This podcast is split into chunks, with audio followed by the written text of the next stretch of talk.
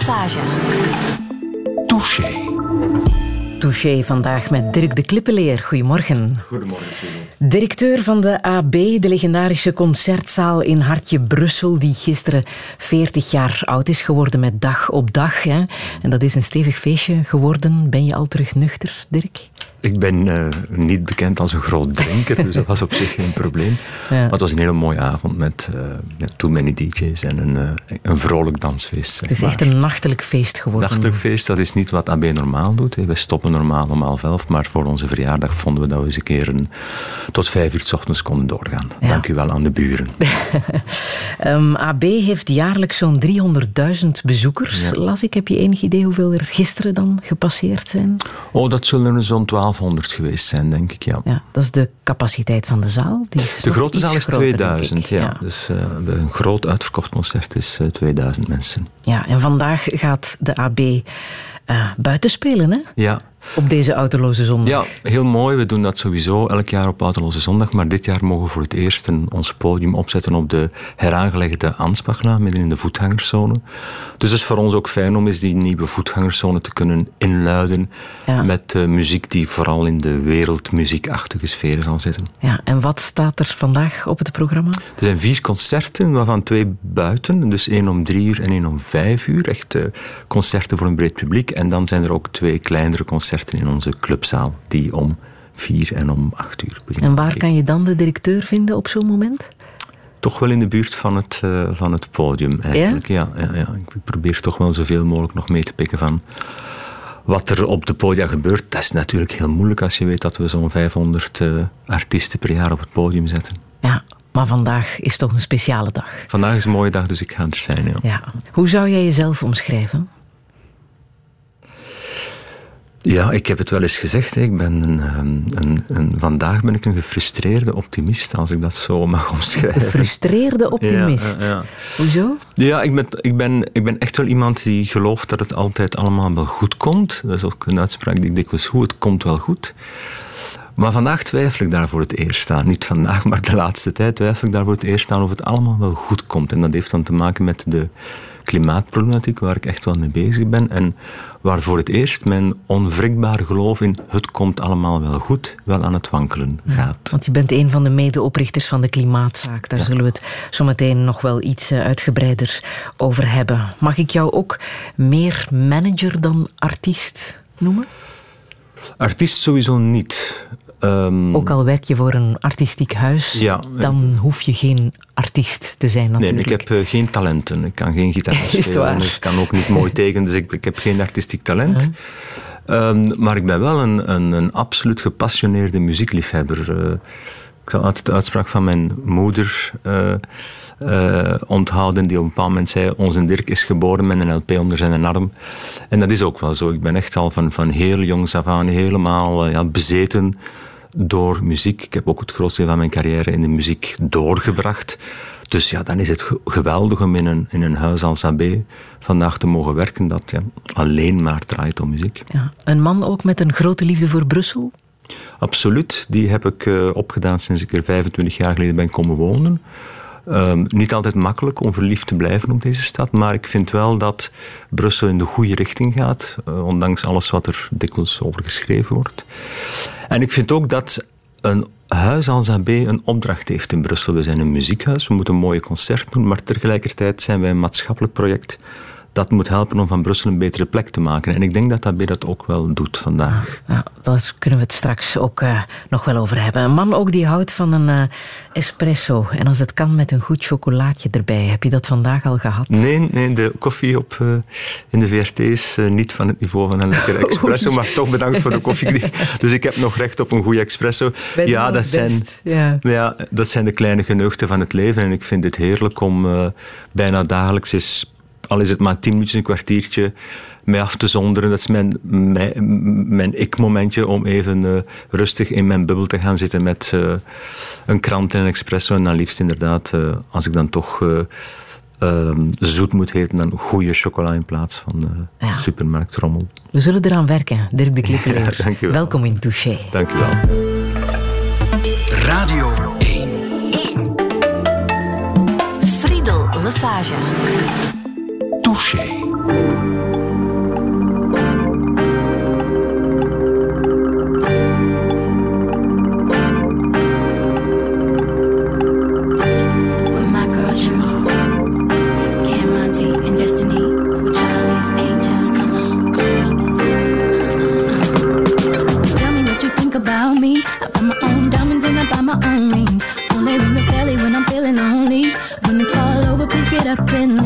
Question, tell me how you feel about this. Try to control me, boy, you get dismissed. Pay my own condo and I pay my own bills. Always 50-50 in relationships. The shoes on my feet, I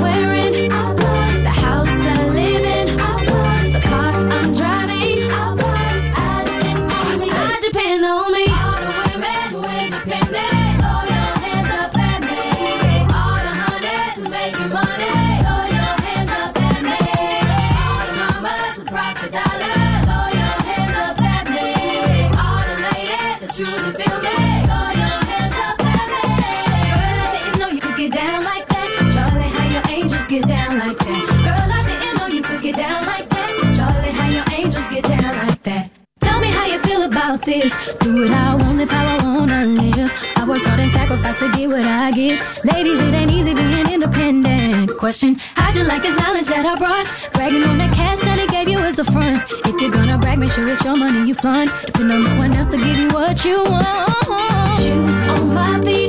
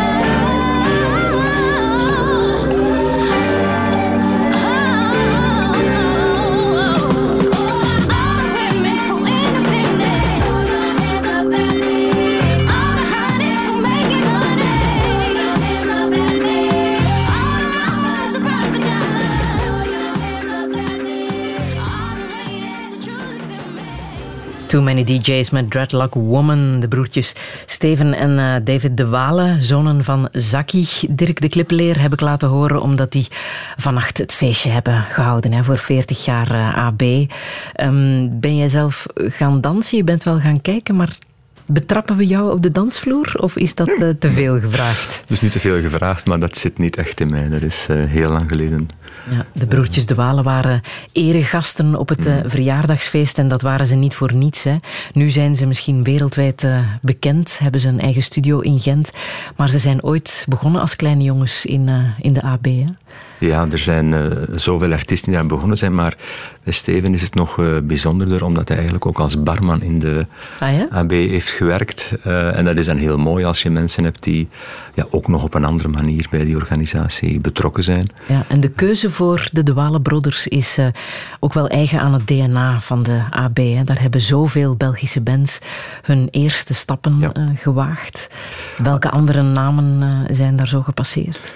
Ja, dat gaat iedereen eigenlijk. Iedereen die in België of in Vlaanderen ooit een gitaar heeft vastgepakt of een ander instrument en dacht van we willen ergens geraken, is op een of andere manier wel bij AB begonnen. AB heeft ook een traditie om echt jonge mensen te ondersteunen door ze op onze podium te zetten, maar ook door een... We hebben een eigen opnamestudio we maken videoclips. Het, uh, het allereerste videoclipje van Oscar en de Wolf bijvoorbeeld is bij ons gemaakt. En Black Box Revelation eigenlijk. Ja, AB is toch wel, als je vraagt waarom bestaat AB, dan bestaat AB denk ik om jong lokaal talent een kans te geven om uh, door te groeien. En ook niet voor niets dat Deus uh, hun verjaardagsfeest van 20 jaar ja. worst case scenario in uh, de AB hebben gevierd. Hè? Ja. ja, dat is wel fijn, omdat je merkt dat artiesten die misschien wel een grotere zaal kunnen uitverkopen, ze hadden ook Forst Nationaal kunnen doen, er dan toch kiezen om in een relatief kleine zaal als AB te gaan spelen, omdat dat, dat is een cadeau voor het publiek. Als je zo dicht bij je artiest kan staan, dat je letterlijk het speeksel kan zien. Maar ook voor de artiest is het fijn om in een zaal te staan waar ze bijna iedere bezoeker individueel in de ogen kunnen kijken. Ja. Nu, gisteren, 21 september, was het uh, dag op dag 40 jaar geleden dat de AB zijn deuren opende. Maar eigenlijk bestaat de Ancienne Belgique al veel langer. Hè? De geschiedenis van uh, ja. uh, de oorspronkelijke Ancienne Belgique gaat al veel langer terug in de tijd. Dan moeten we terug naar 1930, naar een zekere Georges Matonnet. Hm een, eh, een zakenman. Ja. Wat weet je over die, over die man? Er is in, in vijf jaar geleden heeft Johan Ral een, eh, een boek geschreven over de geschiedenis van AB. Dus die geschiedenis is vrij goed uh, bekend. In 1932 uh, opende Matonnet inderdaad, kocht hij die plek in Brussel, waar vooraf trouwens al muziek gemaakt werd. Uh, het heette Le Vieux Düsseldorf, uh, Bruxelles Kermes. Le Vieux Kermes, het had verschillende namen gehad. Sommigen zeggen zelfs dat het tot diep in de 19e eeuw teruggaat, die plek als muziekplek. Maar dus in 1932 besluit Matonnet, die al een zaal in Luik had, die vandaag nog bestaat, om ook in Brussel een zaal te openen onder de naam Ancien Belgique. We weten niet waar de naam vandaan komt. Het is een fantastische naam. En overigens, eh, die man had later nog twee andere zalen, twee oud-België's. Eén in Gent, waar het gebouw niet meer van bestaat, en één in Antwerpen. En dat gebouw bestaat nog steeds. Daar is vandaag een uh, jeanswinkel gevestigd. En wat hij toen al deed, was variété-artiesten uitnodigen uit Parijs. Hij had een goede connectie uh, mm -hmm. in Parijs. Uh, die grote namen die kwamen ook naar Brussel, wat op zich wel heel bijzonder was hè, om Beko, uh, Piaf, uh, Charlotte Genet, uh, hier te zien spelen in absoluut, Brussel. Ja. ja. En niet één dag. Hè. Als als Edith Piaf er stond, dan stond ze er voor zeven dagen, deed ze twee séances per dag. per dag. Wel, wat, wat eigenlijk wat daar gebeurde was, vooraleer ze een grote tournees in Frankrijk deden, kwamen ze hier uh, in Brussel oefenen. En toen was er nog geen Thalys, toen was er nog geen internet. Dus het was een beetje ontrokken aan het oog van het Frans publiek. Dus ze kwamen hier eigenlijk hun tournees oefenen, opstarten, vooraleer in Frankrijk. Ja. Jarenlang was dat een onwaarschijnlijk succes, ja. dat uh, gebouw, die Ancienne Belgique. Hm. Maar toch, in de jaren zeventig um, was het ineens afgelopen. Ja. Wat was daar de oorzaak van? Het begon eigenlijk daarvoor in de jaren zestig ontstond rock and roll, de Beatles en zo. Mm -hmm. en, uh, en ook in Frankrijk uh, met Johnny Halliday en zo. En, en geloofde daar niet in. Dus hij, hij miste die aansluiting met die, hele nieuwe uh, beweging, muzikale beweging. dus wat impact had op de inkomsten van de zaal. En ten tweede was er de brand in de, in de um, Innovation in Brussel. Uh, waardoor er uh, moest geïnvesteerd worden om die zaal, wat een grotendeels houten constructie was, uh, aan toen hedendaagse normen aan te passen. Daarvoor had hij het geld niet. En dan is het eigenlijk zachtjes uitgedoofd. Uh, en dan, er is in de jaren zeventig zijn er nog wel wat concerten uh, gebeurd. de jonge Paul Ambach heeft daar onder andere een paar legendarische concerten gedaan. Maar het was pas in 1979 toen de voorloper van de, de Vlaamse regering besloot om in Brussel zelf een Vlaams cultuurcentrum uh, neer te poten dat, dat de nieuwe geschiedenis opstartend is. Eigenlijk. Waarom was dat ineens zo nodig? Toen, eind jaren zeventig, was daar nood aan een Vlaams huis in Brussel. Was dat ook de sfeer toen? Ja. Uh, het was wel nog wat de periode van de taalstrijd. De, de, we wouden voor een stuk toch een dam opwerpen tegen de verfransing uh, van Brussel. En we wou ook een plek waar de Vlaamse Brusselaars zijn eigen cultuur kon beleven. Want dat, dat was daar toen niet. Dus de, de, de Ancienne Belgique werd uh, gekocht om een plek te maken voor en door Brusselaars, waar ze zichzelf konden zijn. Ja. Dat is een mooie Gek genoeg uh, gokte Vic Anciot, die toen ja. de bevoegde minister was, op uh, de botaniek. Ja. Helemaal niet op de Ancienne Belgique. Nee, maar dat was een uh, tactische zet, omdat hij hij was toen in uh, Persons was toen de, de, de Franstalige minister die verantwoordelijk was en de Franstaligen zochten ook een plek in Brussel. En Anciot vermoedde dat als hij te, te duidelijk zou gaan voor uh, uh, de, de Ancienne Belgique, dat de Franstaligen wel eens zouden zeggen van mm, als de Vlamingen dat willen, dan zal dat wel een goede plek zijn, dus laat ons die maar pakken. Dus hij zei van nee, we willen heel graag die, die botaniek. En zo gebeurde. De Franstaligen zeiden, nu gaan wij wel de botaniek pakken, pak jullie maar dat verloren zaaltje in het centrum uh, van de stad. En dus op die manier heeft heel slim Ehm, de Vlaamse gemeenschap nu ja, een, een, een, een plek, het centrum van de stad, centraler kan je niet zitten. Ja. Nu, die eerste jaren waren toch problematische jaren. Hè? Heel veel last van uh, geluidsoverlast. Het was natuurlijk een gebouw dat niet echt aangepast was om uh, uh, de groepen van toen uit te nodigen. Ja. Um, hoe dramatisch is dat geweest voor de opstart van, van AB? Heel moeilijk. Het is eigenlijk tot, tot 96, tot de tweede verbouwing, heeft het geduurd. Dus 16, 17 jaar voordat het probleem echt opgelost was.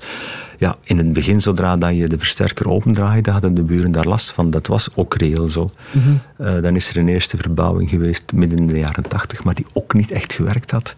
Waardoor bij de heropening de politie er al meteen terug stond. En dan is er zelfs een periode geweest waar AB alleen maar eh, wereldmuziek kon programmeren. Wat achteraf wel ook een zegen was, want daardoor gingen we ook wereldmuziek programmeren. En is die, uh, de programmatie van AB eigenlijk van in het begin altijd zeer breed geweest. Niet alleen maar de poprock waarvoor men ons kent, maar er heeft altijd ook uh, jazz en wereldmuziek gestaan. Maar toen was het omdat het stiller moest. Wat ook bijzonder is aan de geschiedenis van AB, is dat in de jaren tachtig, uh, toen behoorlijk wat jongeren geen werk hadden, gewetensbezwaarden waren, in de AB zijn begonnen als ja, eigenlijk concertorganisatoren zonder vooropleiding, zonder, zonder ja. veel ervaring, maar met vooral heel veel goesting. Hè? De ploeg die Jari de Meulemeester ja. samenhield, was een beetje te danken aan, aan de jaren tachtig. Ja, dus waar was geen geld en geen middelen waren. Weinig geld, weinig middelen en, en heel veel, zoals je zelf zegt, veel mensen met heel veel goesting, die zeiden van, oh, je moet me niet betalen als ik hier maar kan werken. Um, en dat is mooi, dat is die pioniersgeest die ervoor gezorgd heeft dat, dat AB vandaag zijn 40ste verjaardag kan vieren. Aan die hm. ploeg hebben we heel veel te danken. En Jari had wel de, de neus om, om, om, om, om jonge mensen uh, aan het... Uh, ja, rond zich te verzamelen en ze ook kansen te geven. Want je moet het inderdaad maar doen om aan zo'n jonge ket aan te zeggen van ja, programmeer maar. Want toen ging het toch ook wel over wat geld. Hè. Ja, en het ging over namen als Iggy Pop en eh, Elvis Costello. Niet de kleintjes natuurlijk. Maar op dat moment ook nog niet de hele grote. Ja. Ja, we spreken dikwijls over, over lokale muziek, maar ook internationaal heeft eh, alles en iedereen die ertoe doet vandaag, heeft wel op het podium van de AB gestaan en, en, en dikwijls in het begin van hun carrière, waardoor je dikwijls kan zeggen ook van tja, ik was erbij toen uh, Coldplay hier zijn eerste concert deed, om maar een naam te noemen. Ja. Waar was jij bij? Het allereerste, ja, mijn allereerste concert was TC Matic, eind, eind, eh, begin jaren tachtig denk ik. Uh, heel mooie ervaring. Uh, ik ken nu ook nog een, een, concert van een jonge dame, Tanita Tikaram, die nu niet meer uh, actief is. Maar, maar TC Matic was nog boven de geluidsgrens. TC Matic ging heel uit, ja. Toen, toen was dat. Uh, ik heb toen er nog steeds een nog. kleine toet in mijn oren overgehouden. Ja. Met alle gevolgen van dien. A diamond necklace played the pawn, hand in hand some drums along to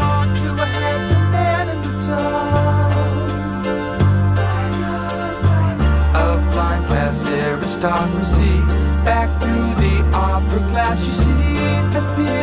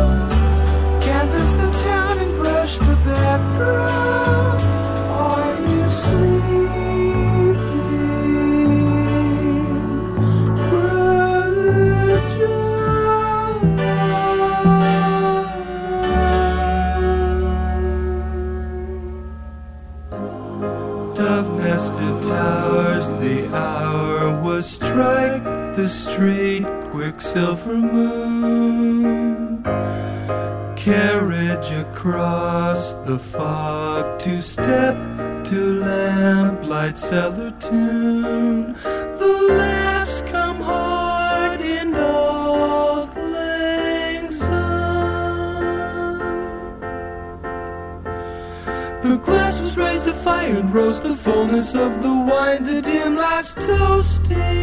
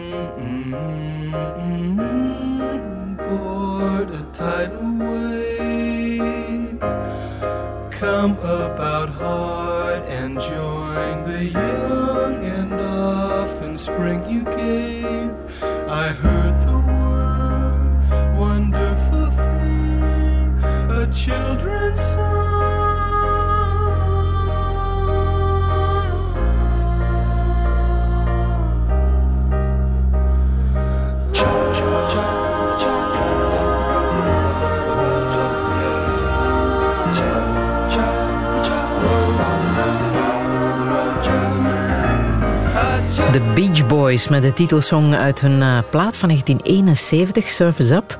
Dirk de Klippeleer, wat, uh, wat trok jou zo aan in deze muziek? Muziekjes komen en muziekjes gaan, maar de Beach Boys zullen altijd blijven bestaan voor mij. Dus uh, ja, als ik nu één groep, wat is jouw favoriete muziek aller tijden, dan, dan komt de Beach Boys toch wel naar boven. Ik vind die, dat gezang vind ik hemels. Uh, de samenzang van die broertjes. Als broertjes samen zingen is het nog altijd iets anders dan als mm -hmm. andere mensen samen zingen. Um, ik vind Brian Wilson ook absoluut een genie. Brian Wilson heeft, uh, is, is alleen verantwoordelijk voor twintig van de mooiste liedjes ooit geschreven. Hij staat op hetzelfde niveau als de Beatles, maar Lennon en McCartney waren met twee en hij deed alles alleen. En bovendien, hij produceerde ook alles. De Beatles hadden een externe producer die hen uh, mooie dingen liet maken, maar hij deed het allemaal zelf. Dus ik vind uh, Brian Wilson misschien wel de grootste nog levende muzikant. Ja, en was er veel muziek bij jullie thuis? Dat is een heel interessante vraag. Mijn moeder, mijn moeder hield wel van muziek. Ja, mijn moeder luisterde wel naar muziek. Um, ik denk dat zij me toch wel wat de microbe heeft gegeven. Um, en soms naar interessante dingen. Dat ging dan van... Ja, uh, Rob de Nijs bijvoorbeeld. Maar, maar ze had ook iets met Bob Marley bijvoorbeeld. Dus er was één plaats van Bob Marley die zei... Uh, Exodus, die zij heel graag speelde, omdat onze hond dan begon te blaffen telkens als een bepaald belletje in die plaat rinkelde. Um, en dus werd er bij ons veel Bob Marley gedraaid, maar het was vooral om de hond te doen blaffen. Ah, ja. En in de slagerij, werd daar muziek gespeeld? Wij hadden geen slagerij. Mijn, mijn, mijn vader was um, vleesverwerker, dus ah, er werden... Uh, uh, dode paarden binnengebracht die zij dan tot worsten draaiden. En hij was ook in zijn vrije tijd slachter. Ja, ja. ja. maar zonder muziek. Mijn pa had zeker niks met muziek. Er, waren, er was ook niet veel cultuur bij ons thuis. Er was geen gewoonte van, van te lezen of samen naar tentoonstelling te gaan of samen naar muziek te luisteren. Dat was er zeker niet. Mm -hmm. Dus die, um, dat gevoel voor cultuur is ja, veel later dan ook wel gekomen bij mij. Ja. Heb je dat gemist als kind? Je weet niet wat je mist natuurlijk als je het niet hebt. Hè. Um, achteraf gezien ja, hoor je dan wel verhalen van anderen die in hun jeugd met hun ouders allerlei dingen gingen doen. Wij deden niet veel. Wij gingen ook niet samen op vakantie. Er waren ook de middelen niet voor. Of we deden dat gewoon niet. We zijn als kind nooit samen naar het buitenland geweest. Um, ja, het leven zou er zeker anders uitgezien hebben, maar tegelijkertijd um, ja, heb, heb, je dan de kans om later veel te ontdekken, denk ik dan maar. Mm. Lezen wel, hè. lezen is er wel altijd geweest. Mijn moeder las ook wel en ik heb toch al vrij snel de microben van het lezen te pakken gekregen. Ook en wat als... las je als kind? Ik ben begonnen met Jommeke, zoals uh, iedereen van mijn generatie. Ik vind De Jacht op een Voetbal nog altijd een van de grote boeken uit de Vlaamse ja. literatuur. Dat meen ik ook echt. Het is echt een heel goed uh, verhaal. Het gaat over verhalen vertellen. Mm -hmm.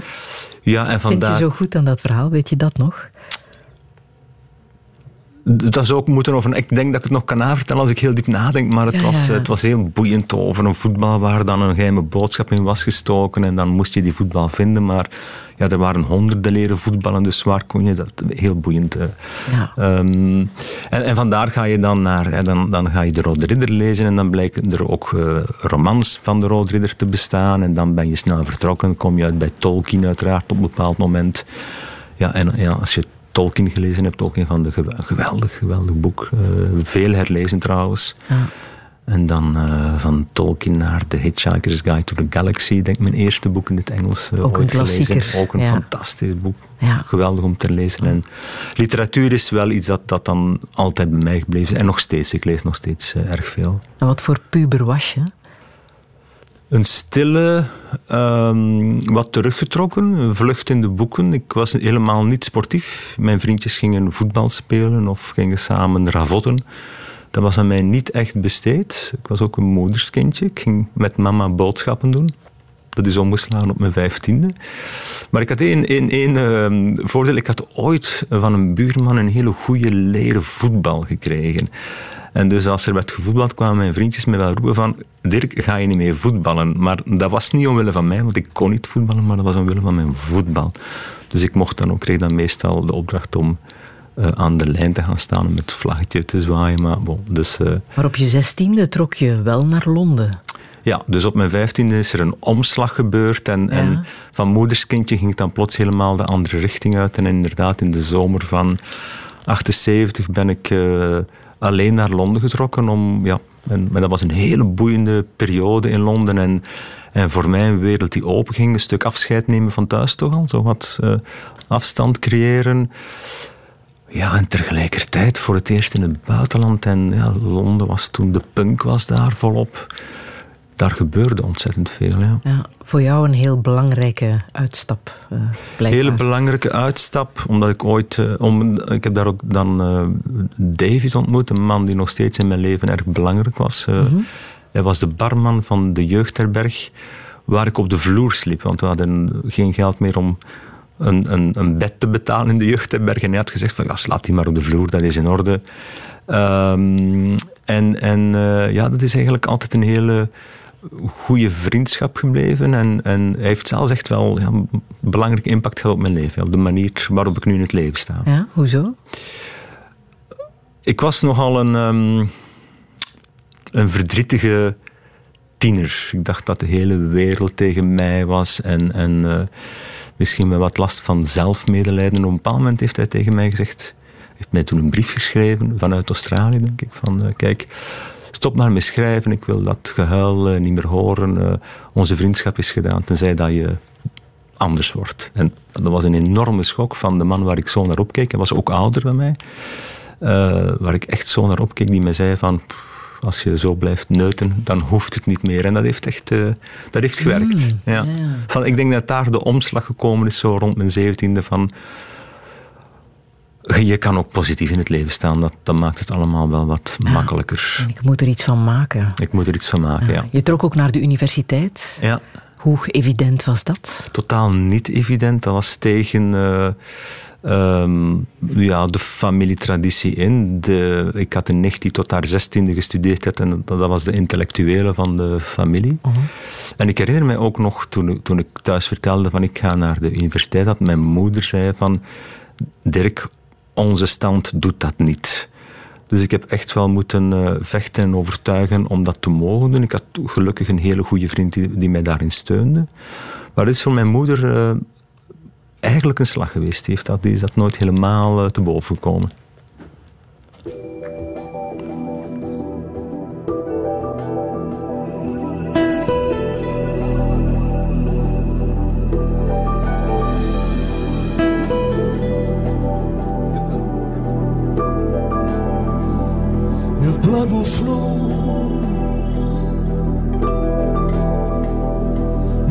Still I I want.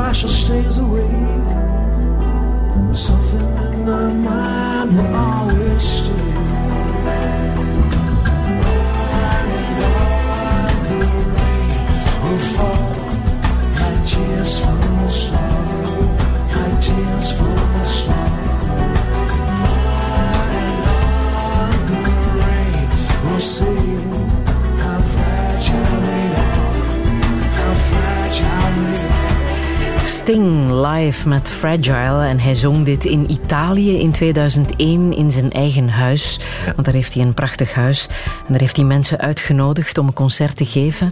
Dat was op 9-11, 2001. En Dirk de Klippeleer, jij was daarbij. Ja, was toen uh, directeur van zijn Belgische plaatfirma. En uh, hij wou een live plaat opnemen voor, in zijn tuin voor een beperkt gezelschap. En alle directeuren van uh, Europa werden uitgenodigd. En dat was natuurlijk een grote eer om daarbij te mogen zijn. Maar ja, het werd tegelijkertijd de meest onwaarschijnlijke avond die je ook maar kan voorstellen het vliegtuig landde, mijn assistenten belde van ja, Dirk, je moet direct terugkomen, want de Palestijnen hebben New York aangevallen. Niemand wist wat er gebeurde, dus het was totale paniek ook, ook daar in Italië. Maar bo, dan uh, ga je toch naar, uh, naar, naar het huis van Sting. Je komt daartoe. De eerste boodschap was van ja, het concert zal niet doorgaan gezien de gebeurtenissen. Maar er waren mensen van over heel de wereld. Veel Amerikanen die geen contact kregen met thuis. Dus dat was ook in die, in die, op die plek was dat heel raar. Je mhm. zit op een van de mooiste plekken ter wereld. Toscaan, Toscanië, sterrenhemel, uh, warme zomernacht. En, en dan gebeurt zoiets. En dan op een bepaald moment wordt dan gezegd van kijk, Sting wil jullie even uh, toespreken. Dus we zaten er allemaal, hij komt het podium op en zegt van kijk, een van mijn goede vrienden zit in een van die torens. Ik weet niet wat er gebeurd is, dus je begrijpt dat ik nu geen concert uh, kan geven. Dus hij heeft dan toch zijn muzikanten op het podium geroepen. En gezegd, kijk, we gaan één nummer voor jullie uh, spelen als dank dat jullie er waren. Maar dan, helaas, hij dan, ik kan dit niet doen. En dan heeft hij, ik krijg er nog kippenvel van, uh, Do the Russians Love Their Children Too gespeeld. En hij had gevraagd van niet te applaudisseren op het einde van het nummer en hij zou weggaan, maar het publiek is dan heel zachtjes toch beginnen applaudisseren. En ja, er moet bij hem iets geklikt zijn en hij is dan toch beginnen verder spelen. een heel ander repertoire dan wat hij normaal speelt. Heel veel mhm. rustige nummers. En hij heeft dan denk ik anderhalf uur gespeeld. En naast mij zat een meisje van um, een Amerikaans televisiestation die heel de tijd aan het wenen was, omdat ze, ja, ze kon geen contact krijgen met haar ouders. Maar tegelijk ja, is er zo'n mooi concert bezig onder een Toscaanse sterrenhemel. Dus dat was zeer... Ja, het mooiste en het ergste uh, tezamen bijna. Mm. En dit uh, zei hij ook voor hij uh, Fragile zong. Just like to say a few words before we start. This was supposed to be a very uh, joyous occasion tonight. Um, because of the horrific events of today, it simply can't be a joyous occasion. And it's difficult for all of us. I'm angry, I'm uh, confused, I'm frightened, and uh, I don't really want to give this meaningless act of violence any credence. It's totally and utterly pointless. We'll sing this song for those people who've lost their lives. Thank you. Touché. Ja, dit is wat uh, Sting toen zei op die 9-11. Wat heeft dat bij jou veranderd?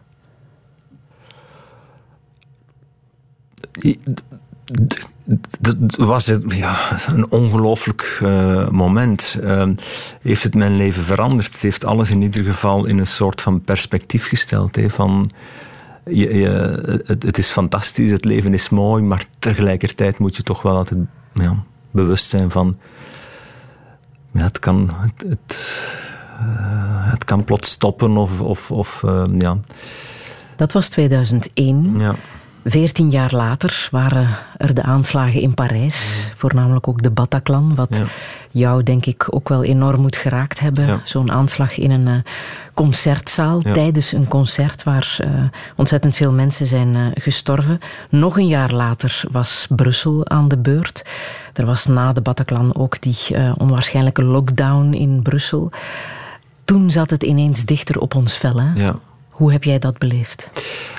Wel, voor ons als AB, voor de ploeg van AB, was dat heel bijzonder. Omdat je inderdaad meteen, nadat de Bataclan gebeurde, kwamen de media naar ons. Omdat een Bataclan, AB, gelijkaardige zalen en iedereen vroeg van, tja, hoe zit dat nu met jullie? Wat gaan jullie doen? En, en, en ook daar weer heel mooi te zien hoe dat die ploeg dan toch gaat samenhangen. Maar tegelijkertijd, op het moment dat je dan het bericht krijgt van mannen, jullie staan, en dat werd ons bevestigd door mensen uit politiekringen, we hebben lijsten gevonden waar de naam van de AB op staat.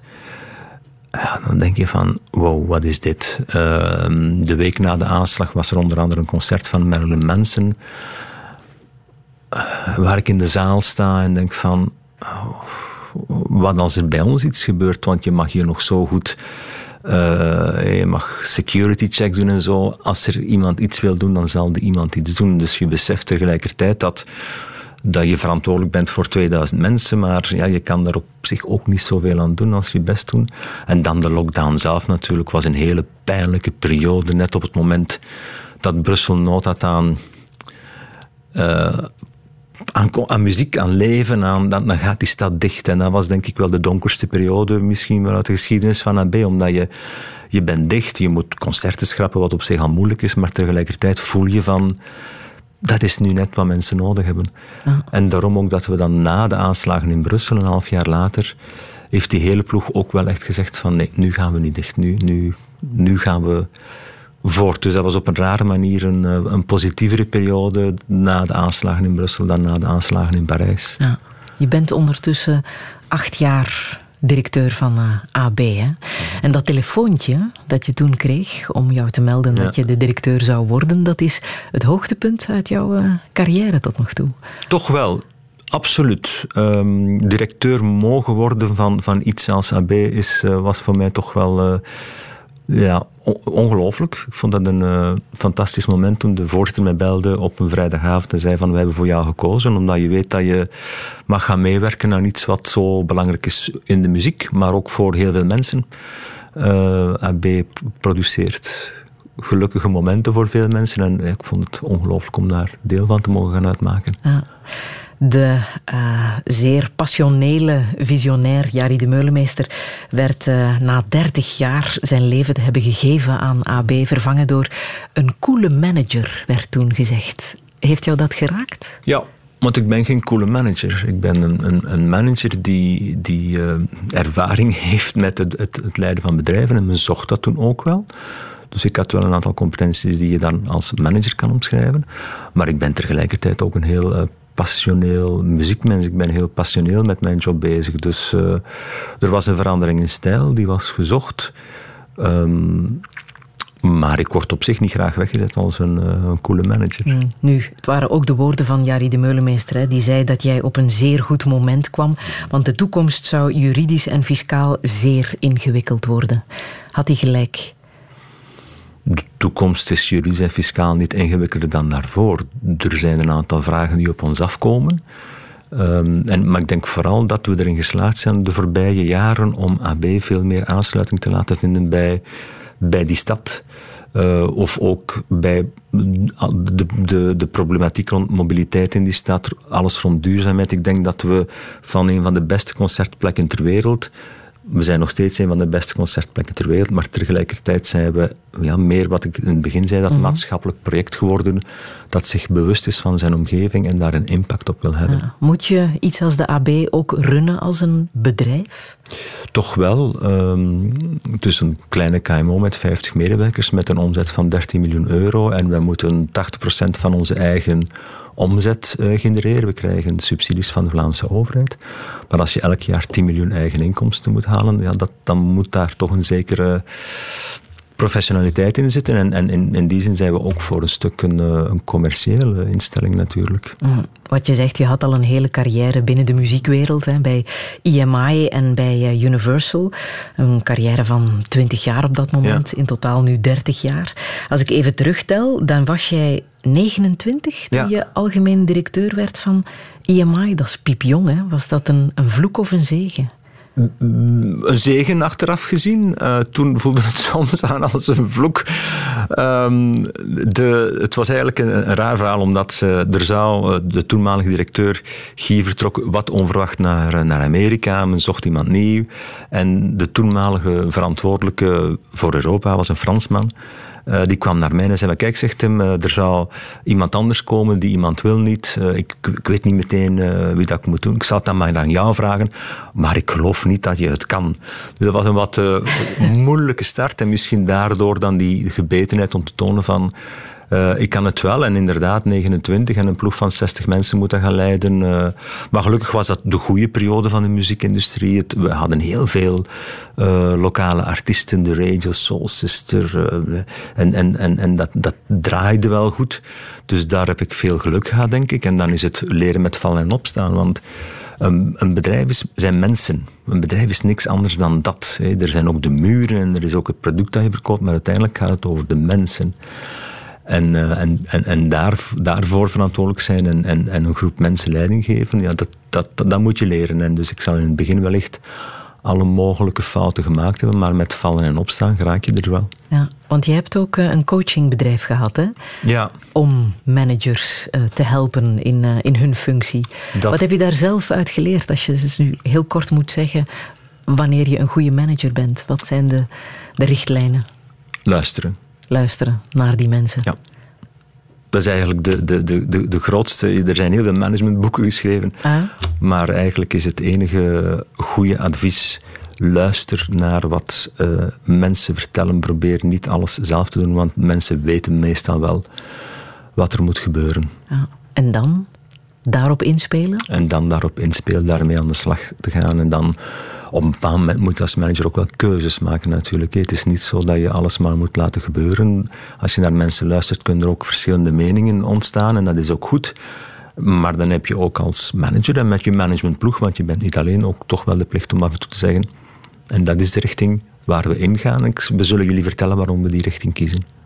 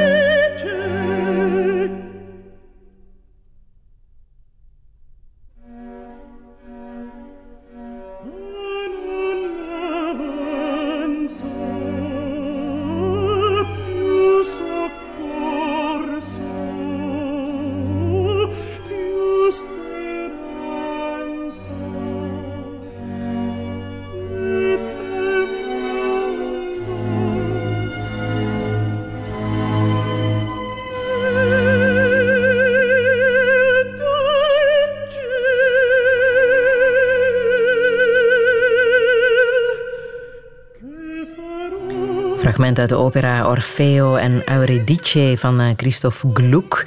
Dirk de Klippenleer, ja, klassieke muziek. Ook voor een directeur van de AB. Absoluut. Ik ga veel naar klassieke muziekconcerten. En dat voelt dan aan als uh, mijn oren een warm bad geven na het uh, ja, toch wel veel gitaargeweld en luide muziek in AB. Dan, dan kan ik echt wel genieten van een, de sfeer in een klassiek concert ook. Die totaal anders is natuurlijk. De sfeer in Flagey is totaal anders dan de sfeer in AB. En, en deze opera was te horen in de Munt een aantal jaren geleden. In die waanzinnige regie van Romeo Castellucci. Ja. Die heb je daar gezien? Ja, en dat was echt een, een, een, zeer intense emotionele beleving. Hè. Dus het, uh, wat, men, wat men heel slim gedaan had bij het begin van de opera, en dat zag je op een scherm op de achtergrond, vertrekt er een auto in Brussel die heel uh, België, Vlaanderen lijkt rond te rijden en je weet niet goed Waarom maar dan tegen het einde van de voorstelling, ik ga nu heel kort de bocht, door de bocht arriveert die camera live uh, in, een, in een ziekenhuis. En dan uh, wandelt hij naar een, een, bed van een, van een mevrouw die uh, het locked-in syndroom heeft. Dus die zeer bewust is maar die niks meer kan doen met haar lichaam. Die gevangen zit in haar eigen lichaam. En dat is ook het thema van, van, van deze opera, waar, dus door om te kijken, verband zij haar um, lieveling voor eeuwig en altijd om in de hel te blijven. Mhm. En dat was zo slim gedaan, dat was zo straf gedaan, omdat je bij dit nummer dat we nu hoorden, het beeld van die vrouw zag die alleen maar met haar ogen kon. En die wist wat er gebeurde. Die wist dat er op dat moment in de munt honderden mensen zaten te kijken naar die opera met deze prachtige melodie. Ja, dan is kunst ja, op zijn mooiste en op zijn emotioneelste. Mhm. Heel straf moment. Welke andere kunstvormen uh, raken jou nog meer, behalve de muziek? Ik kan, ik kan waanzinnig ontroerd worden als ik voor een schilderij sta dat mij, dat mij raakt. En dan, ja. Zoals? Ja, dan, dan kom je voor mij meteen uit bij, bij Caravaggio. Die, die denk ik, uh, ik vind nog steeds een, een van de, zo niet de grootste. Um, ja, en als je in, in, in, in een kerk in Rome gaat staan voor een schilderij wat voor die kerk geschilderd is, en dan, dan, dan, dan, dan is dat ongelooflijk uh, emotioneel. Ik heb ooit een, bijna een week in Rome rondgelopen in de voetsporen van Caravaggio, overal. Uh, de plekken bezocht waar hij gewoond, gewerkt, geleefd had en waar zijn schilderijen nog steeds hangen. En dat is een fantastische manier om Rome te ontdekken. De documentaire ook gezien over Caravaggio? Er zijn er een aantal geweest. Hij heeft de natuurlijk, en de Blot, die vorig jaar is gemaakt. heeft natuurlijk uh, een heel uh, interessant, uh, boeiend leven gehad. Hij was ook een, was geen mooi mens. Caravaggio heeft gemoord. Hij was waarschijnlijk... Hij, hij, had seks met alles en iedereen, wat, wat op zich wel kan. Maar hij heeft een moord gepleegd, is op de vlucht moeten gaan. Um, heeft uiteindelijk ook maar heel kort geleefd, is maar voor en 30 geworden. Dus ook daar heb je weer die tegenstelling tussen zo'n, ja, toch wel niet zo'n goed mens, die dan die prachtige, prachtige kunst uh, produceert. Ja. The Soul and the Blood van uh, Jesus Lambert. Een documentaire die vorig jaar is uh, gemaakt en uh, bekroond. Zeker eens bekijken over Caravaggio. Um, ik heb nog muziek uit de film The Shining. Die legendarische film van Stanley Kubrick. Met de weerzinwekkende Jack Nicholson ja. natuurlijk. Waarom is dat een film die jou is bijgebleven? Onwaarschijnlijke acteerprestatie van die Jack Nicholson. Ik denk dat hij de grootste was van zijn, van zijn generatie. Die, die waanzin uh, die van, de, van het scherm afdruipt. Ik, ben ook zelden zo bang geweest in een film, moet ik bekennen. Echt een heel uh, bangmakende film. En ik had uh, toen het geluk om met een vriendin te zijn die ik op zich wel zag zitten. Ik had er een oogje op en die was zo mogelijk nog banger dan ik. En bij elke scène kroop die dichter tegen mij aan. Dus dat was wel een dat helpt. Dat helpt om er doorheen te geraken.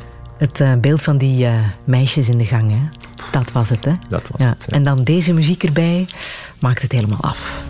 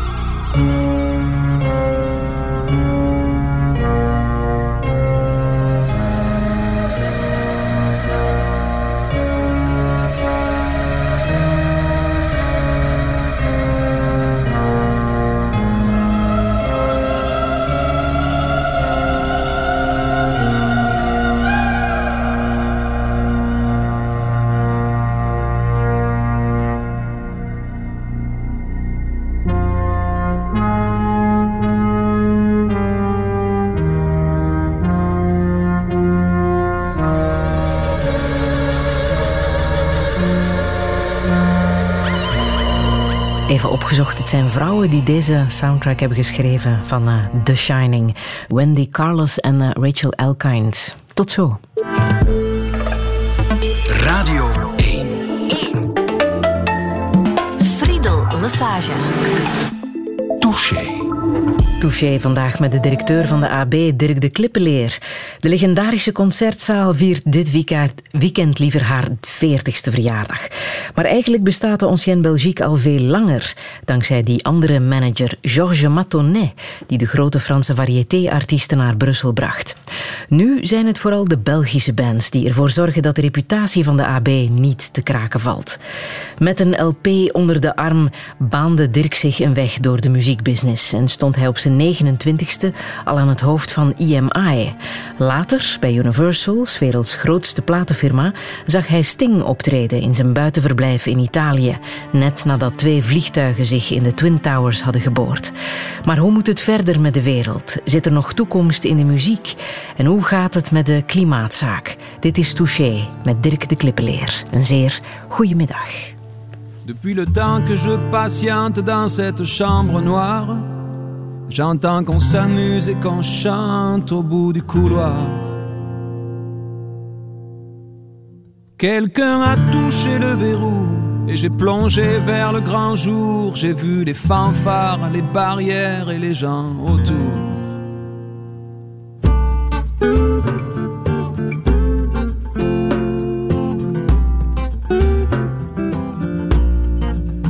Dans les premiers moments, j'ai cru qu'il fallait seulement se défendre. Mais cette place est sans issue, je commence à comprendre. Ils ont refermé derrière moi, ils ont eu peur que je recule. Je vais bien finir par la voir, cette danseuse ridicule. Est-ce que ce monde est sérieux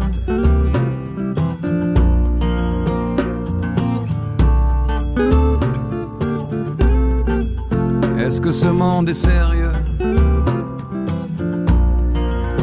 Andalousie, je me souviens les prairies bordées de cactus. Je vais pas trembler devant ce pantin, ce minus.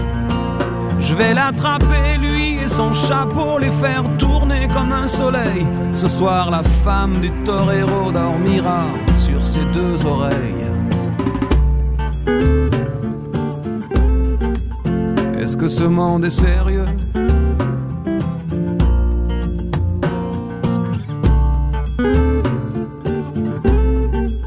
Est-ce que ce monde est sérieux?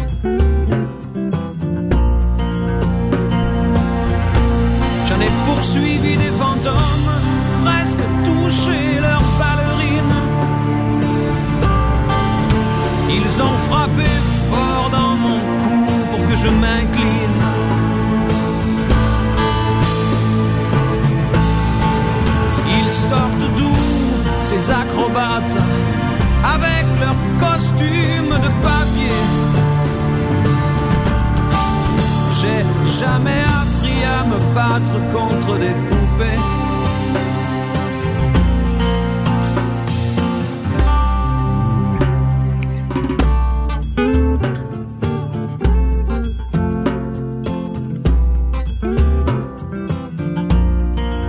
Sentir le sable sous ma tête, c'est fou comme ça peut faire du bien. J'ai prié pour que tout s'arrête Andalousie. Je me souviens. Je les entends rire comme je râle, je les vois danser comme je succombe. Je pensais pas qu'on puisse autant s'amuser autour d'une tombe.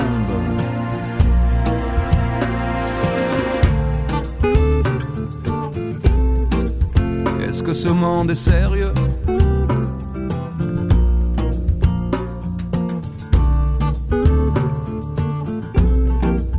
Est-ce que ce monde est sérieux?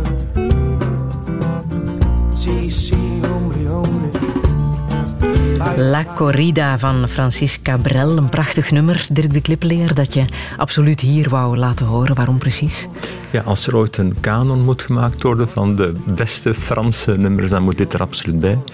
Francis Cabrel vertelt hier ehm, het verhaal van een uh, stierengevecht, maar bekeken van, vanuit de ogen van de stier, vanuit de stervende stier, die zich afvraagt van, ja, maar wat heb ik u misdaan? Waarom hè, wilt je mij dood doen? En dan op het moment dat hij doodgaat, herinnert hij zich hoe als jonge stier rondzwierf in de vlakte van Andalusië.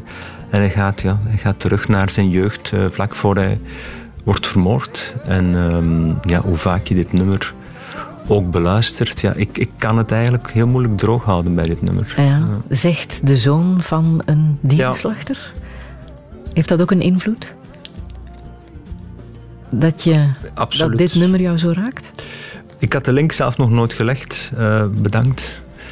Um, maar ja, absoluut. De, mijn pa was uh, in het weekend uh, bij de boeren thuis uh, dieren dooddoen. en dat was met een hamer. Dus hij, hij vermoordde die letterlijk met een hamer. Um, hij heeft mij geprobeerd om dat mee naartoe te krijgen. Ik heb dat nooit gewild. Um, dat heeft zeker een impact gehad.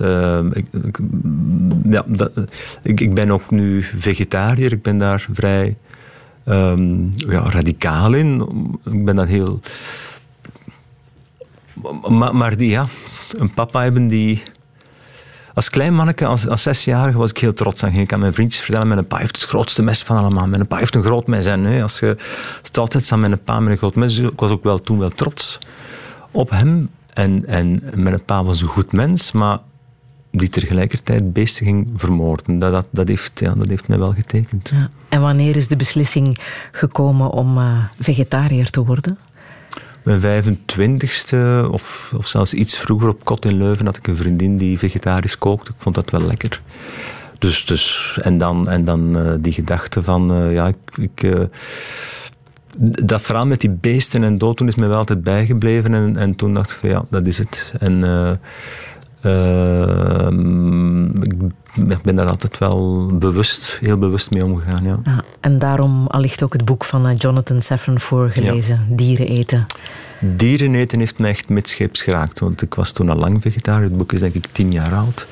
Maar Safran Foer gaat daarin op zoek uh, naar een manier om zijn kinderen gezond eten te laten opgroeien. Dus hij was helemaal geen overtuigde uh, vegetariër. En, en, en, en hij gaat echt graven in uh, hoe dier, hoe vlees wordt geproduceerd. En hij beschrijft echt die um, machinale, die grootschalige moordmachine die de vleesindustrie vandaag is. En, en, en eh, dat is echt ongelooflijk. Um, Um, als je, hij gaat ook mee met, want hij probeert toch, toch wel aan de twee kanten te gaan staan. Hij gaat mee met de mensen die in die vleesverwerkende industrie werken. Mijn papa, zeg maar, die daar dan. En hij beschrijft ook hoe die mensen daar kapot aan gaan. Aan het feit dat ze eigenlijk heel de dag beesten vermoorden. Um, als je nog geen vegetariër bent en je leest dat boek, dan, ja, dan weet je meteen waarom dat je het zou uh, moeten worden. Heel, heel straf uh, boek. Ja, ondertussen heeft hij een nieuw boek uit, Jonathan Safran Foer, uh, Het klimaat zijn wij. Ja. Ik vermoed dat dat jou ook raakt. Ja, het, uh, ik stond aan te schuiven in de winkel om het te kopen. Het is pas woensdag, lag het in het Engels in de, in de, in de winkel. Um, het is weer heel straf. Um, het, doet, er 100 pagina's over, vooraleer hij zijn punt vertelt eigenlijk. Maar die eerste 100 pagina's zijn wel heel goed, omdat hij zich afvraagt: hoe komt het nu dat de, de grootste ramp aller tijden voor de mensheid staat voor de deur, op, op enige jaren van ons, en we doen niks? We zitten met z'n allen te kijken en we zeggen van het is een groot probleem, maar we doen eigenlijk heel weinig als mens, als geheel. Uh, politici komen niet in actie. Het, de, we, we, doen, we, we, leiden ons leventje maar voort. En hij zegt van het heeft te maken met. Het is zo groot dat we het ook niet geloven. Er ontstaat een soort van: dit kan niet waar zijn. Ja, dus dan, dan, dan, ja, dan sluiten we er ons ook voor een stuk vooraf. En dat, die tweestrijd die hij heeft, hij zegt van kijk, ik schrijf dit boek en op het moment dat ik het schrijf, besef ik hoe dramatisch de situatie is. En toch weet dat ik straks mijn pen zal neerleggen, mijn auto zal nemen om mijn kinderen naar school te brengen en gewoon voort zal doen. En die, ja, die tweestrijd beschrijft hij bijna live in zijn boek en dat vind ik eigenlijk wel heel, heel straf gedaan. Het verhaal is niet concreet genoeg. Als je het bijvoorbeeld vergelijkt met het verhaal van het meisje Pia, ja. wat wel een heel concreet verhaal is, dat wel. Je kan mensen in beweging brengen als je, er een, als, er, als je er een gezicht op plakt en als je mensen doet geloven, stort die 2 euro en dit meisje wordt gered. Hè. Stort geld en die tijger zal van het uitsterven uh, behoed worden. Dat soort dingen werkt. Maar de boodschap dat binnen uh, 20, 30 jaar grote delen van deze planeet onbewoonbaar zullen zijn en dat de stad New York onder water zal staan. Ja, dat is simpelweg een te, een te groot en bijna het abstract probleem om ons in, uh, in beweging te brengen, terwijl het wel ongelooflijk is. Hè. We hebben nog een aantal jaren de tijd om er iets aan te doen en ja, nu, afgelopen vrijdag is er wel opnieuw betoogd. Hè. Wereldwijd zijn 4 miljoen mensen op straat gekomen. Bij ons waren dat er 15.000 voor een beter klimaatbeleid. Anuna de Wever was er uiteraard ook uh, weer bij. En ze zei afgelopen vrijdag uh, dit. We hebben ambitie nodig. Dappere leiders en politici die zich niet laten afschrikken van draagvlak of de volgende verkiezingen. Want uiteindelijk wordt leiderschap pas echt getest in tijden van crisis. Touché.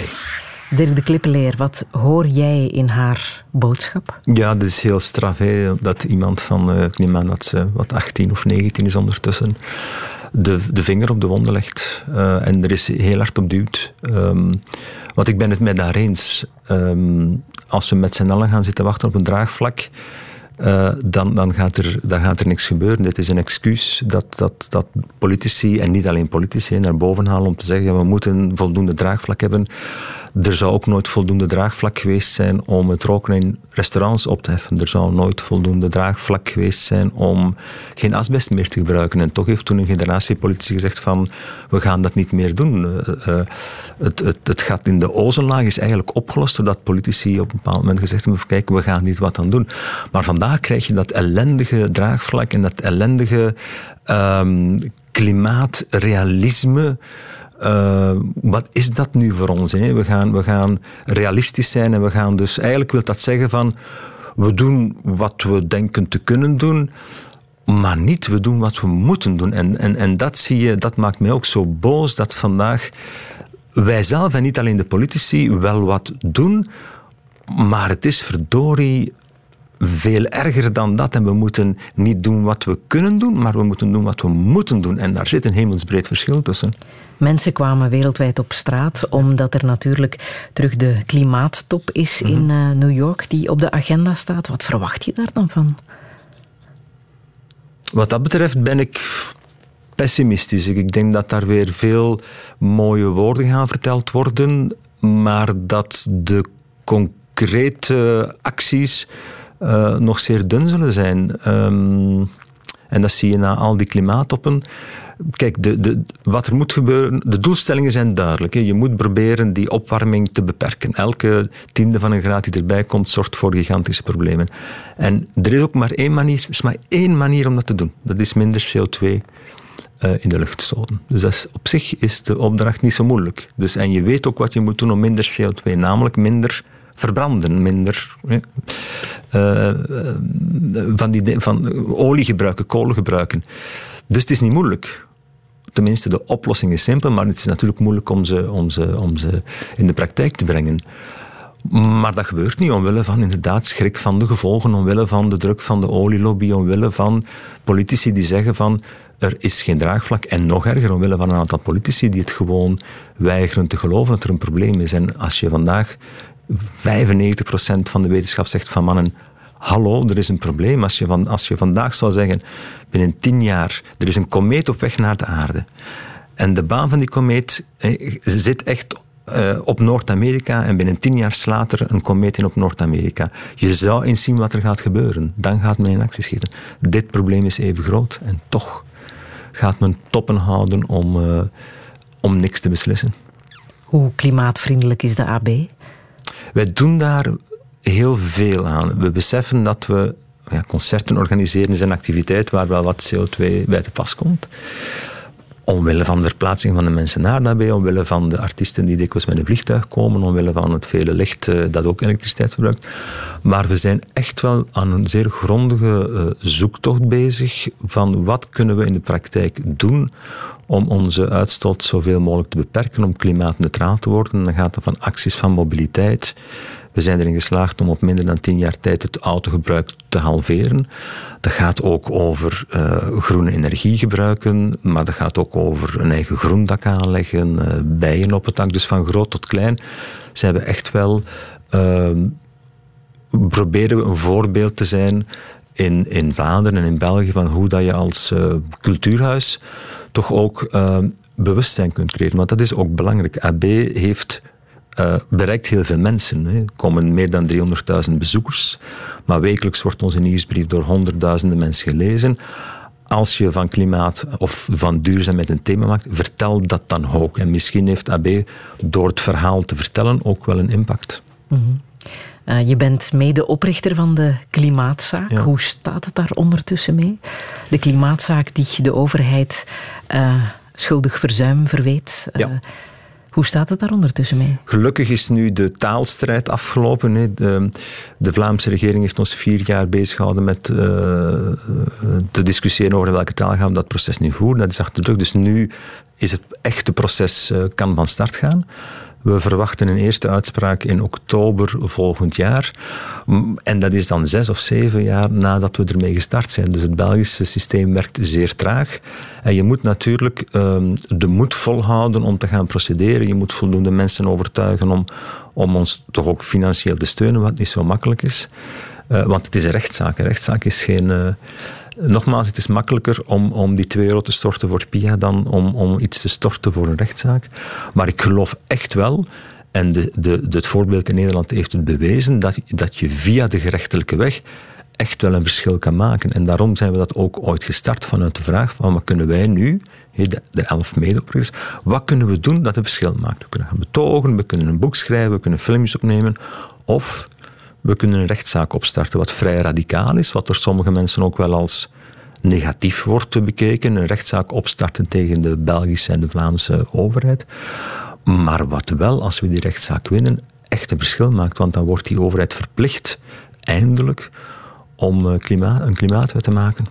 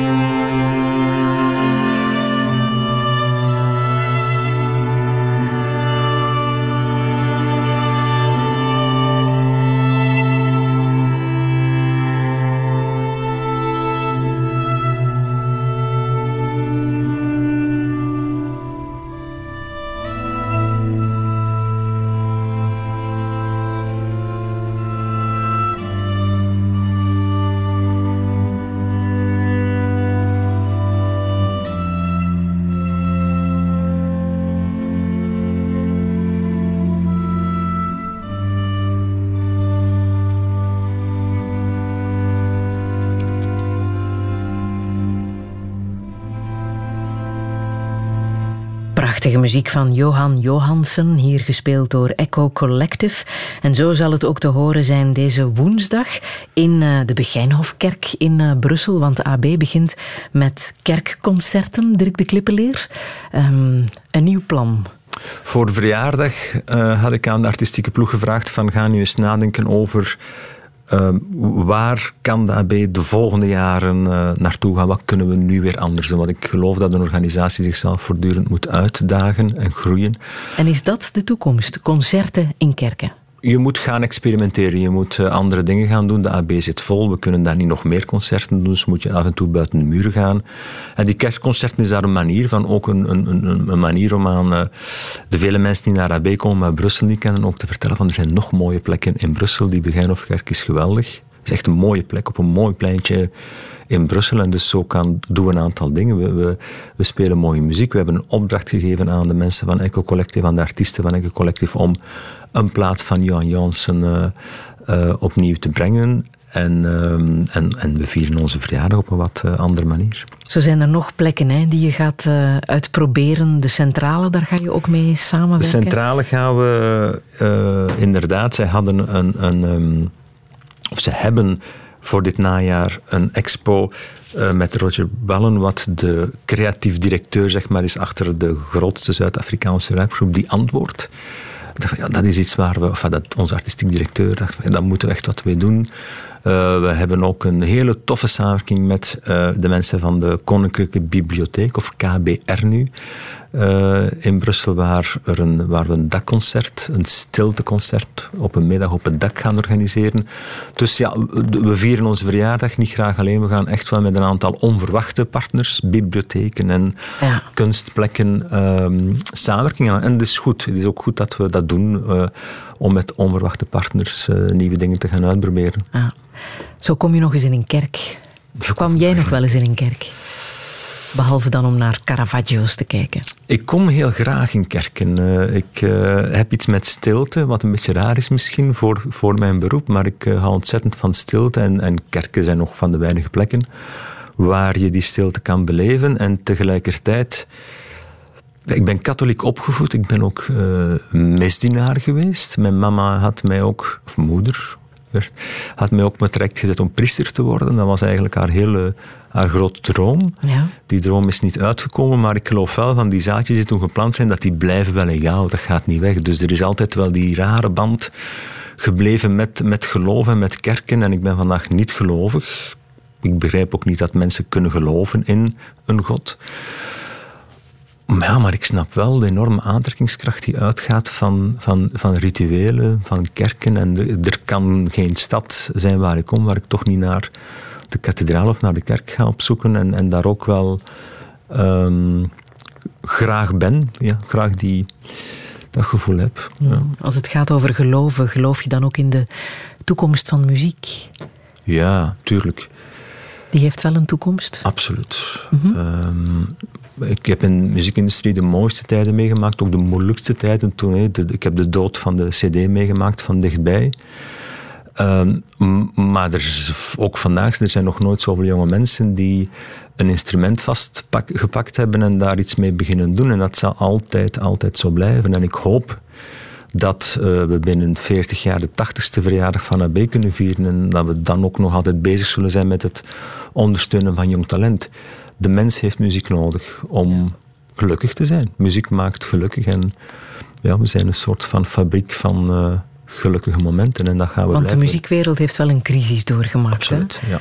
Ja. Tot 1999 uh, groeiden de bomen tot in de hemel en dan is er plots de omslag gekomen met, uh, met uh, piraterij, het hele online gebeuren, Apple uh, die zich in de, in de strijd smeet. En dan heb je ja, hele donkere jaren gehad waar van jaar tot jaar de omzet bleef dalen, de winsten daalden, waar we het ene reorganisatieplan na het andere moesten doorvoeren. En sinds kort gaat het weer wat beter dankzij, dankzij streaming. Dus, uh, ja, de fysieke... Terwijl je ook daar niet echt in hebt geloofd hè, toen dat begon? Ja, dat is juist. Je hebt je research goed gedaan, vriend. ik heb ook wel eens gezegd van... En ik geloof ook nog altijd niet dat, het, uh, dat, het, dat Spotify bijvoorbeeld zal blijven bestaan, omdat het businessmodel totaal niet klopt. We betalen daar te weinig voor. Je kan niet voor 10 euro per maand alle muziek ter wereld aanbieden, wat Spotify vandaag doet, en daar iedereen correct voor betalen. Muzikanten worden zeer weinig betaald voor uh, streams. Ehm, maar het heeft er wel voor gezorgd dat, dat, dat, dat er terug wat, wat groei zit. Ehm, je krijgt daardoor ook wel een totaal andere band met je muziek. Hè. Het is niet meer de, een cd'tje of een LP met 16 minuten muziek mhm. die je heel intens gaat beluisteren. Ja. Het is, je draait de kraan open en er komt muziek uit. Dus het zal wel, het heeft nu al enorme impact op de band uh, die mensen hebben met muziek. Je hebt, als ik mij goed heb geïnformeerd, ooit geprobeerd om de Super Audio CD te lanceren. Dirk, wat was dat? Ja, ja. Zou dat de toekomst geweest zijn? Men dacht dat toen. Hè. Wat, wat dacht men uh, in het begin, uh, in het begin uh, van deze eeuw? Dat, dat we inderdaad een opvolger van de CD... Was, het was het traditionele model. We kwamen van de, de oude 78 toeren, we gingen naar de LP en dan zijn we via muziekcassettes naar de CD gegaan en men dacht van we gaan nog iets nieuws lanceren. Een veel beter klinkende CD in, in surround sound. En ik werd daar toen uh, met een mooie titel Worldwide Director of New Technologies. Maar wat in de praktijk betekende van ja, een dood businessmodel toch te proberen uh, nog wat leven in te blazen. Terwijl aan de andere kant Steve Jobs met Apple iets totaal anders bezig was. En die boot die heeft de muziekindustrie in het begin echt wel gemist. Dus ik ben uh, inderdaad wel mee verantwoordelijk voor een van de uh, grotere flops in de geschiedenis van de muziekindustrie. Maar ik heb er wel ontzettend veel uit geleerd en het was een hele fijne periode.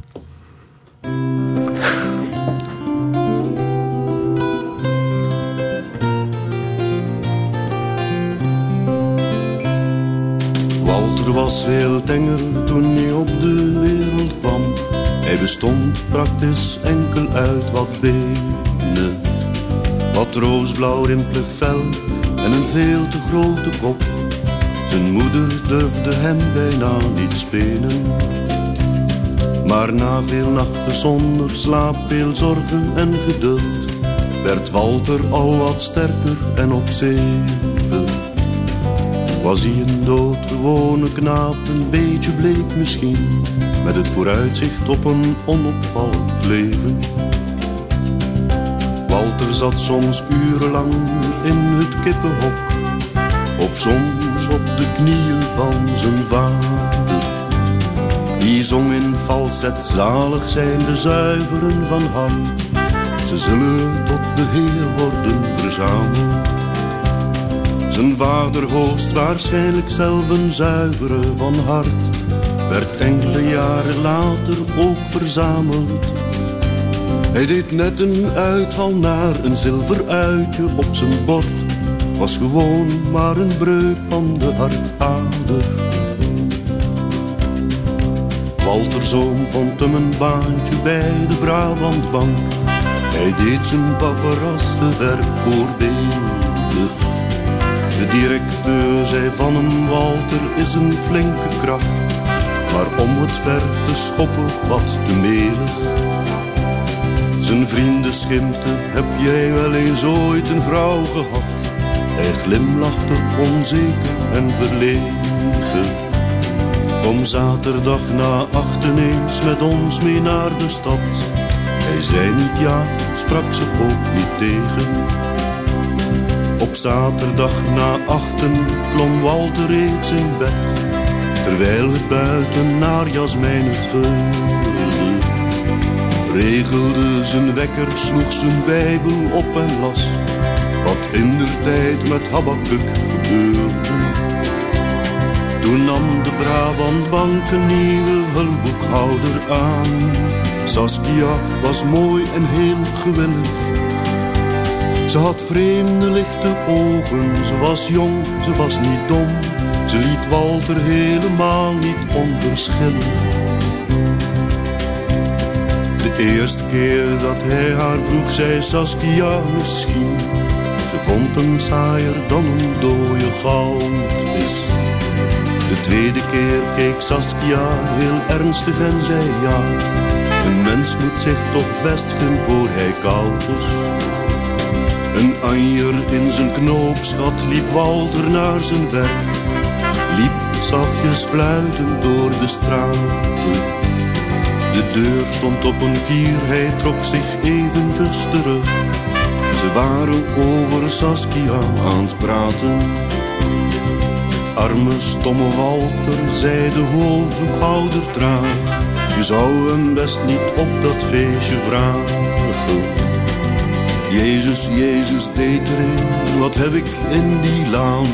Een pret gehad met Saskia in hun wagen. Walter stond weer buiten, staarde in de zon. Heer, in wie moet ik nog geloven? Het zoemde in zijn schedel, het antwoord kwam terstond. Bestemmeling is onbekend hierboven. De mensen lachten toen hij zei, Heer wat moet ik doen? Hij hoorde niets, hij leek wel in extase. Het antwoord kwam dit keer van de affiches aan de muur. Zijn ogen lazen vaag, houdt goed uw Pasen. Walter liet een advertentie plaatsen in de krant. Ik verklaar dat ik geen schulden zal betalen. Die Saskia gemaakt heeft, daar ik het echtelijk dak verlaten heb, betekent vele schralen. Walter keerde nooit terug naar de Brabantbank. Hij leerde eigenhandig kleiwerk dragen. Zijn kleren stonken, maar hij zei de vogelen des velds. Ze ploegen niet, ze zaaien, nog ze maaien. Hij leeft nu van zijn beeldhouwwerk, maakt Saskia's van klei. Ze lijken allemaal wel heel tevreden. Ben alfa en omega, bromt hij zacht in zichzelf. Ik heb de sleutels van de toekomst en het verleden. Jan de Wilde met Walter of de ballade van een goudvis, Dirk de Klippeleer, blijft een prachtig verhaal. Hè? Waarom raakt het jou zo? Het is het verhaal van, een, van eigenlijk, Walter is een geboren loser die op een bepaald moment met het mooiste meisje van de klas aan de haal gaat. En hij kan zijn geluk ook niet geloven, maar die hoop wordt dan toch snel de grond ingeboord als uh, blijkt dat ze hem bedriegt. En dan komt dat geweldige zinnetje. Hij leeft nu van zijn beeldhouwwerk en maakt Saskia's van klei en ze lijken allemaal, allemaal wel heel tevreden. Zeer ontroerend. Ik vind Jan ook een van de, van de groten. Hè. Samen met uh, Willem Vermanderen en Wannes van de Velde. Een van de grote drie van de, wat dan Vlaamse kleinkunst genoemd wordt. En dat is alweer een tip voor hen die zouden willen een kanon maken. Slecht idee trouwens.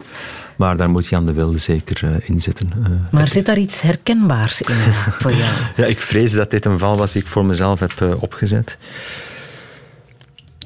Ja. Op welke manier? De, de, ja, ik was zeker uh, in mijn jeugd niet de, de populairste bij de meisjes. Dat is gewoon zo. Uh, ik was een, uh, een heel goede student. Ik was in, in, in het middelbaar altijd de eerste of de tweede van de klas. Dus daar was ik trots op. Maar op een of andere manier maakte dat nu niet echt veel indruk. op de meisjes van, de, van de school vlakbij. En er waren toch altijd andere jongens die daarmee gingen lopen. En Um, ja, dat is natuurlijk wel een uitdaging dan om als... Uh, en vandaar dat, dat, dat die link uh, zal er wel zijn. Ja. ja. Is er een Saskia in je leven? Niet iemand die ik heel even heb gehad en die mij dan bedrogen heeft en weggelopen is. Ik heb nooit het mooiste meisje mm. van de klas gehad. Er is een Sophie in jouw leven. er is een Sophie in mijn leven. Hè. Sophie is uh, mijn poes. Uh, en die belangrijk is, ja, ja absoluut. Ja. Sophie maakt mij elke dag weer uh, bij het opstaan, is, is zij daar en dat maakt mij gelukkig. Dus ik kan altijd blij opstaan als Sophie er steeds weer is. Ja. Geeft zij een soort vriendschap aan jou, door er altijd te zijn? Ja, Uiteraard, uh, ja, je kan erover discussiëren. Hebben beesten gevoelens, hebben beesten geen gevoelens? We transponeren natuurlijk onze eigen gevoelens op beesten, maar dat maakt niet uit. Uh, ik, ik, uh, ik, ik werk uh, dikwijls laat en dan kom ik s'avonds thuis en dan staat dat beest of zit dat beest op mij te wachten. En dan denk ik van, ze zit op mij te wachten. Ah, ah. Heeft dat wel eten nodig wellicht, maar toch, ja. Ik heb wel de indruk dat vriendschappen op zich heel erg belangrijk zijn in, in jouw leven. Hè? Ja, ik heb het geluk gehad van een paar hele goede vrienden te hebben die mijn leven echt wel hebben beïnvloed. Van, van Peter die mij naar de, bijna naar de universiteit gesleurd heeft, door David waar ik daarnet uh, over verteld heb, door Hans Vandaag, die, die, die echt wel uh, waar, die, de man is waar ik uh, wel naar opkijk wat hij doet met zijn bedrijf. Hans is baas van Studio 100. En, Hans Bourlon. Hans Bourlon. En um, ja, het is een, het is een eer van, van die mensen tegen te komen en te merken van die hebben een invloed uh, op mij vandaag. Mijn vriendin Caroline heeft dat ook. Zij heeft ook wel uh, echt een invloed op uh, wie ik ben en wat ik doe. En je moet dat toelaten, die vriendschappen. Ben je een goede vriend? Ik ben een trouwe vriend. Ik doe echt wel mijn best voor vrienden. Um, ik zou mezelf een goede vriend noemen. Misschien niet altijd de makkelijkste vriend. Ah ja? Maar wel een goede vriend, ja. ja? Waarom niet de makkelijkste? Goh, ik ben nogal, uh, dan moet je dan aan, aan Carolien vragen, ik ben nogal uh, op mezelf gesteld. Uh, ik ben iemand die graag alleen is, in een hoekje met een boekje nog steeds, ja? van toen ik jong was. Um, ik ben geen tafelspringer. Um, ik ben ook nogal koppig. Ik weet wat ik wil en ik weet ook wat ik niet wil. Um, en dat niet wil, dat doe, dat, dat doe ik dan ook niet als ik iets niet wil. Daar, daar, heb ik geen tijd meer voor om dingen te doen die ik niet wil doen.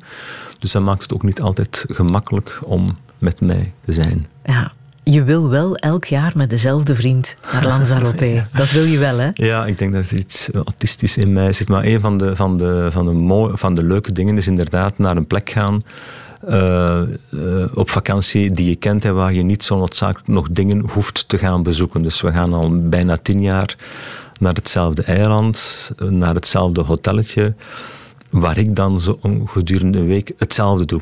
Hetzelfde Namelijk? patroon. Opstaan, uh, ontbijten, een wandeling maken, een kopje koffie gaan drinken, terugkomen, eten, een lange wandeling gaan maken en s'avonds lekker gaan eten. En ja. dat gedurende zeven dagen, zonder te hoeven nadenken over wat gaan we nog bezoeken, dus zonder druk. Dus het is weer die, die hang naar, naar rust, naar, uh, uh, ja, naar, naar kalmte. Uh, ik reis ook heel graag, ik ga heel graag dingen ontdekken. Maar die ene week is voor mij bijna heilig zo dat niks hoeft en ik kan gewoon meedrijven en ik hoef niet eens na te denken over. Ik kan gewoon me concentreren op die wandeling, op die koffie, op dat boek en op mm. welke van de drie restaurants gaan we vanavond bezoeken. Ook in Parijs hoeft niks meer. Mijn als je daar naartoe trekt. Ja, mijn vriendin woont in Parijs. Uh, dus ik heb het geluk van daar een uh, pied-à-terre te hebben. Dus ik kan daar inderdaad... Uh, omdat ik er zoveel ben, is er niet de gedachte van we moeten dit of dit nog gaan bezoeken, maar kan de dag gewoon bestaan met een koffie te gaan drinken in een café Tour Eiffel en dan een wandelingetje langs de Seine te maken en dan denk ik van, oh, wat is het toch allemaal mooi en oh, wat is die Eiffeltoren toch indrukwekkend. Ja, vergeten mensen dat als ze op reis zijn, dat het allemaal niet hoeft? Dat, uh, dat toeristische lijstje afvinken? We leggen soms te veel druk op onszelf, inderdaad, van... Uh, uh, inderdaad, zoals jij zegt, het lijstje afvinken zonder je dan bewust te zijn van, maar, maar hoe geweldig is dat hier. Dat vind ik ook in Brussel bijvoorbeeld. Ik, ik, ik loop ook dolgraag in Brussel rond. En daar, daar zijn fantastische dingen te zien, maar je moet daar dan de tijd voor nemen en gewoon uh, rond gaan wandelen en dan in Sint-Gilles in de rue van de, Schrik te, van de Schrikstraat te komen en te zien dat daar een prachtige rij uh, art deco-huizen zomaar staat. Te voorkomen zou ik ook bijna zeggen. Maar, maar je moet je tijd nemen in de stad. Je moet echt wel op zoek gaan.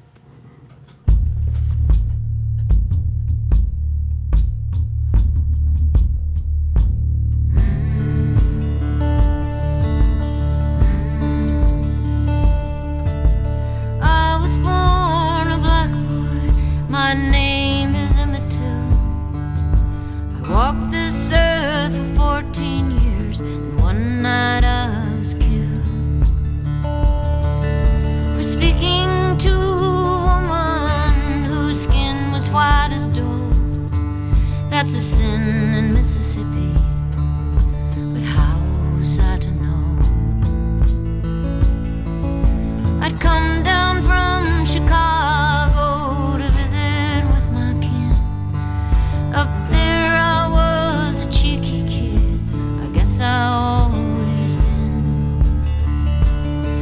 But the harm they put upon me was too hard for what I'd done. For I was just a black boy. I never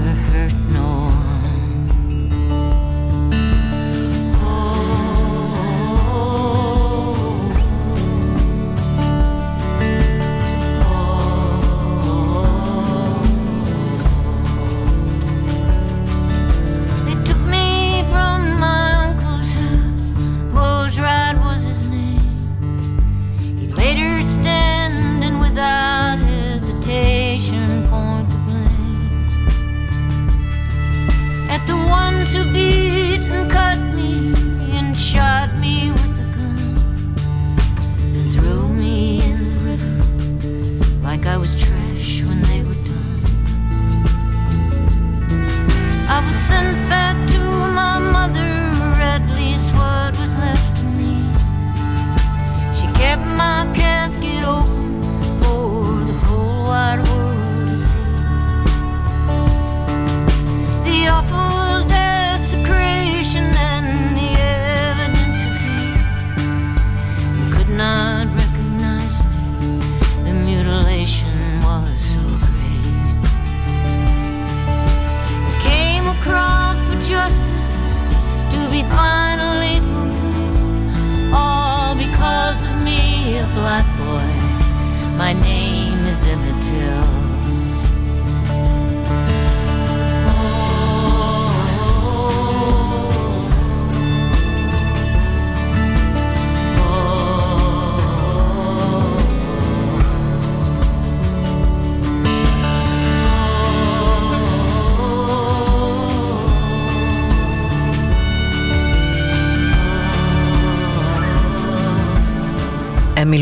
Harris en My Name is Emma Till, Dirk de Klippenleer.